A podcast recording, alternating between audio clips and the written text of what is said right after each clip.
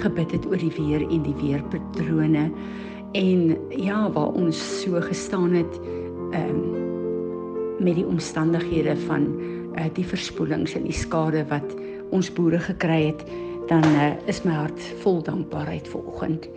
Ehm um, ek het gister vir julle die mense wat op die res is 'n stuk gestuur wat Francis Frangipani uitgestuur het wat my geweldig getref het. Ek dink dit is omdat ek self so skuldig staan daar.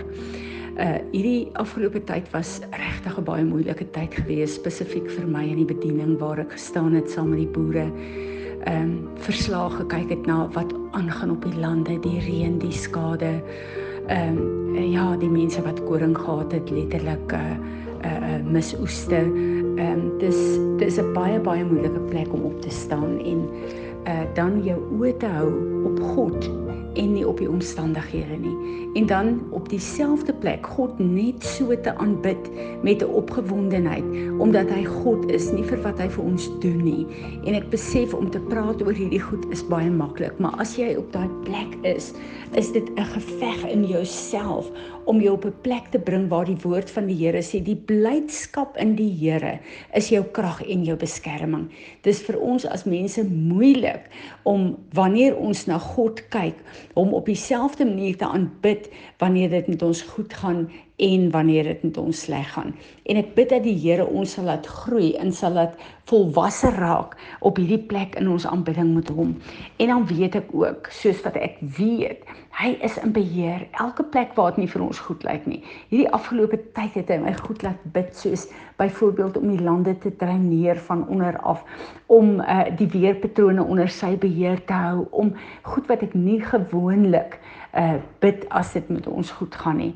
Maar ek glo dat ons gaan kyk na 'n seisoen waar hy bonatuurlik gaan ingryp en waar ons sy wonderwerkende krag en herstel gaan sien op die lande en waar ons met oestyd ons hoofde sal buig en erken hy is God. Hy is die bron van ons voorsiening.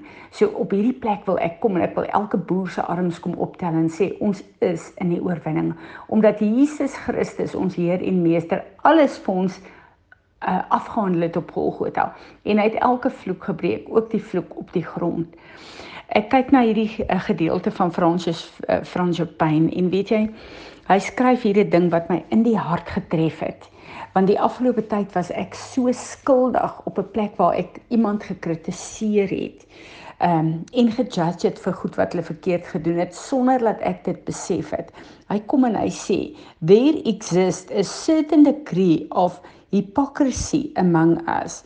What I mean is without qualms we condemn the world for not being Christian yet without remorse we accept we are not Christ-like.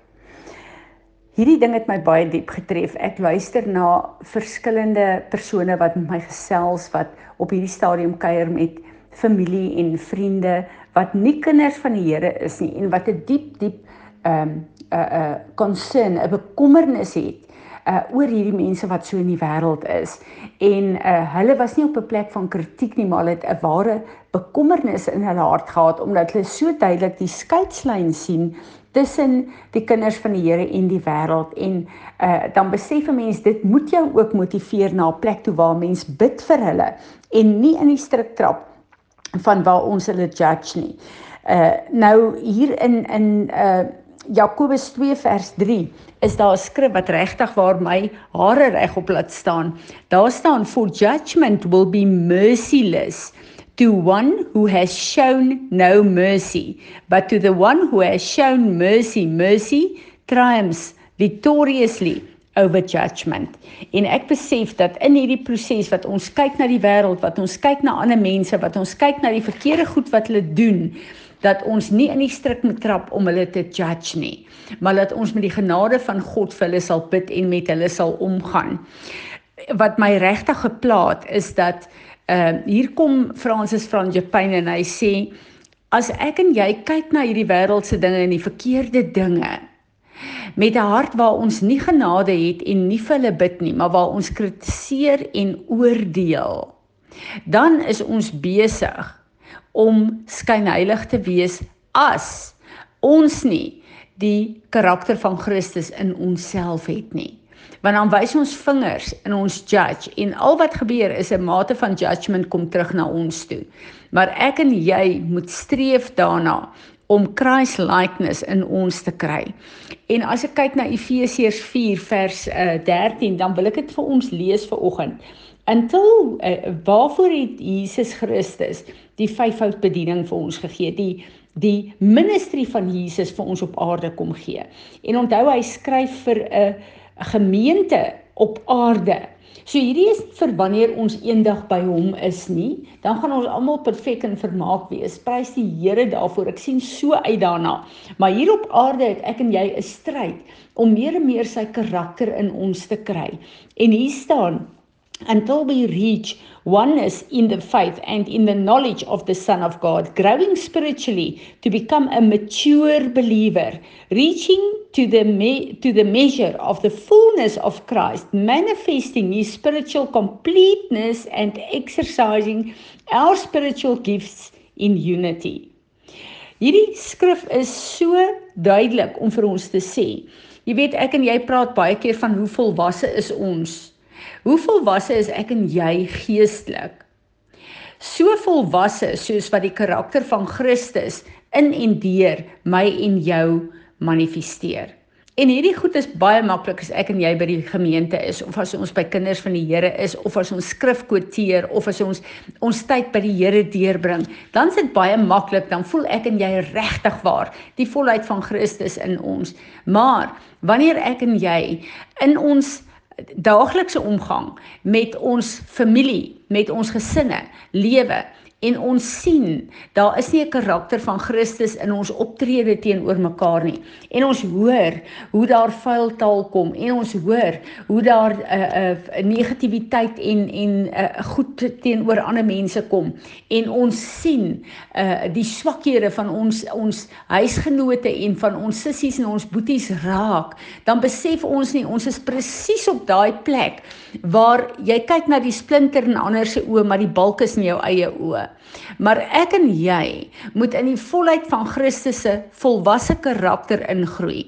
Die uiterlike goed is moenie vloek nie. Moenie skinder van mense nie. Moenie 'n 'n 'n 'n mense judge nie. Uh moenie steel nie. Moenie drink nie. Moenie horeer nie.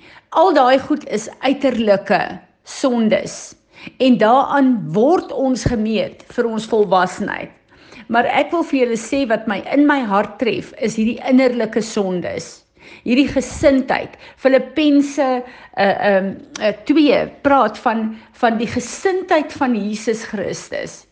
Julle, hoe lyk ons gesindheid teenoor mense wat verkeerd doen, teenoor mense wat sondig, teenoor mense wat die woord nie gehoorsaam nie? Wat is jou gesindheid? Het jy 'n mooi gesiggie? En kan jy vriendelik met mense praat, maar in jou hart judge jy hulle. As jy die gesindheid van Jesus het, dan sal jy jou lewe neerlê en bid vir daai mense totdat hulle die volle openbaring van die woord van God in hulle lewe sien en hulle karakter kan begin verander na die karakter van Jesus toe. Het ek en jy daai gesindheid van die fariseërs van ja nee, ek hoor hoe jy vloek. Dankie tog, ek vloek ten minste nie. Maar hoe lyk jou hart? Hoe lyk jou liefde vir mense? Hoe lyk jou liefde vir God? Want die Here sê as jy, jy my liefhet, gaan jy my gebooie gehoorsaam. So ek wil ver oggend praat in die eerste plek myself en dan met julle. Ek sê nie hierdie goed om ons te judge nie. Ek sê nie hierdie goed om vir ons op 'n slegte plek te kry nie. Ek sê sê hierdie goed op 'n plek waar ek my waar ek die Here vir myself vasgryp, maar ook vir elke een van julle en sê Here, bewerk die volheid van die karakter van Christus in ons, sodat alle mense wat na ons luister, sal hoor uit die monde, sal voel uit ons gesindheid dat die liefde en die volheid van Christus heers in my.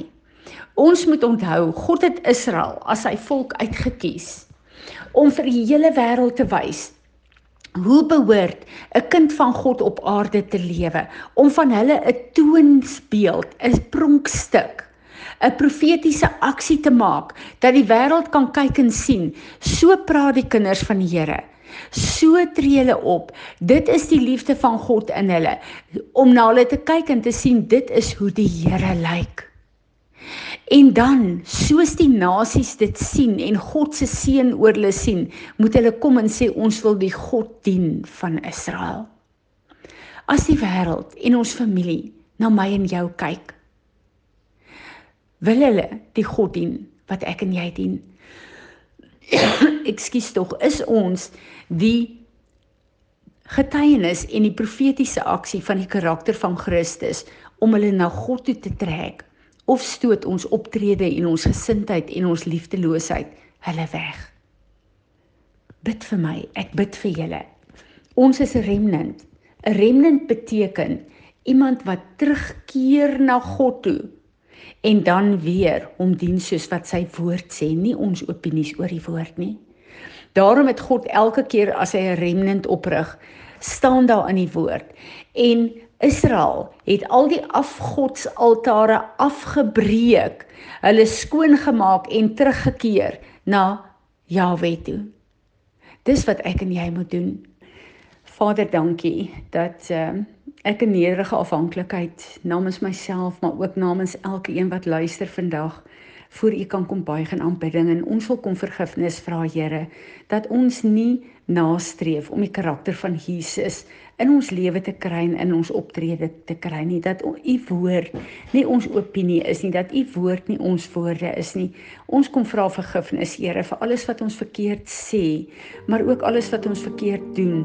Vir elke plek waar ons nie u manifesteer vir die wêreld nie. Here vergewe ons maar Here ons het u so verskriklik nodig hiervoor. Ek pleit vir 'n nuwe salwing 'n nuwe liefde vir u woord 'n nuwe erns Here om om te deel met die verkeerde patrone in ons lewe. Ek pleit dat U in hierdie tyd sal kom ingryp, Here, dat U vir ons 'n nuwe vars salwing sal gee, dat U salwing die juke van die vyand sal breek. En dat die volheid van Jesus Christus al meer en meer gestalte sal kry in ons lewe, Here, sodat ons vir U 'n gateway op aarde kan wees. En sodat ons in letterlik kan staan en soos dit in die hemel is op aarde aftrek deur ons lewens. Dit manifesteer sodat u naam verheerlik sal word en u koninkryk sal kom. Dankie Here Jesus dat ons dit kan bid omdat u vir ons die volle prys afgehandel het. Ek bid vir u oorwinning in ons elkeen se lewens. Amen.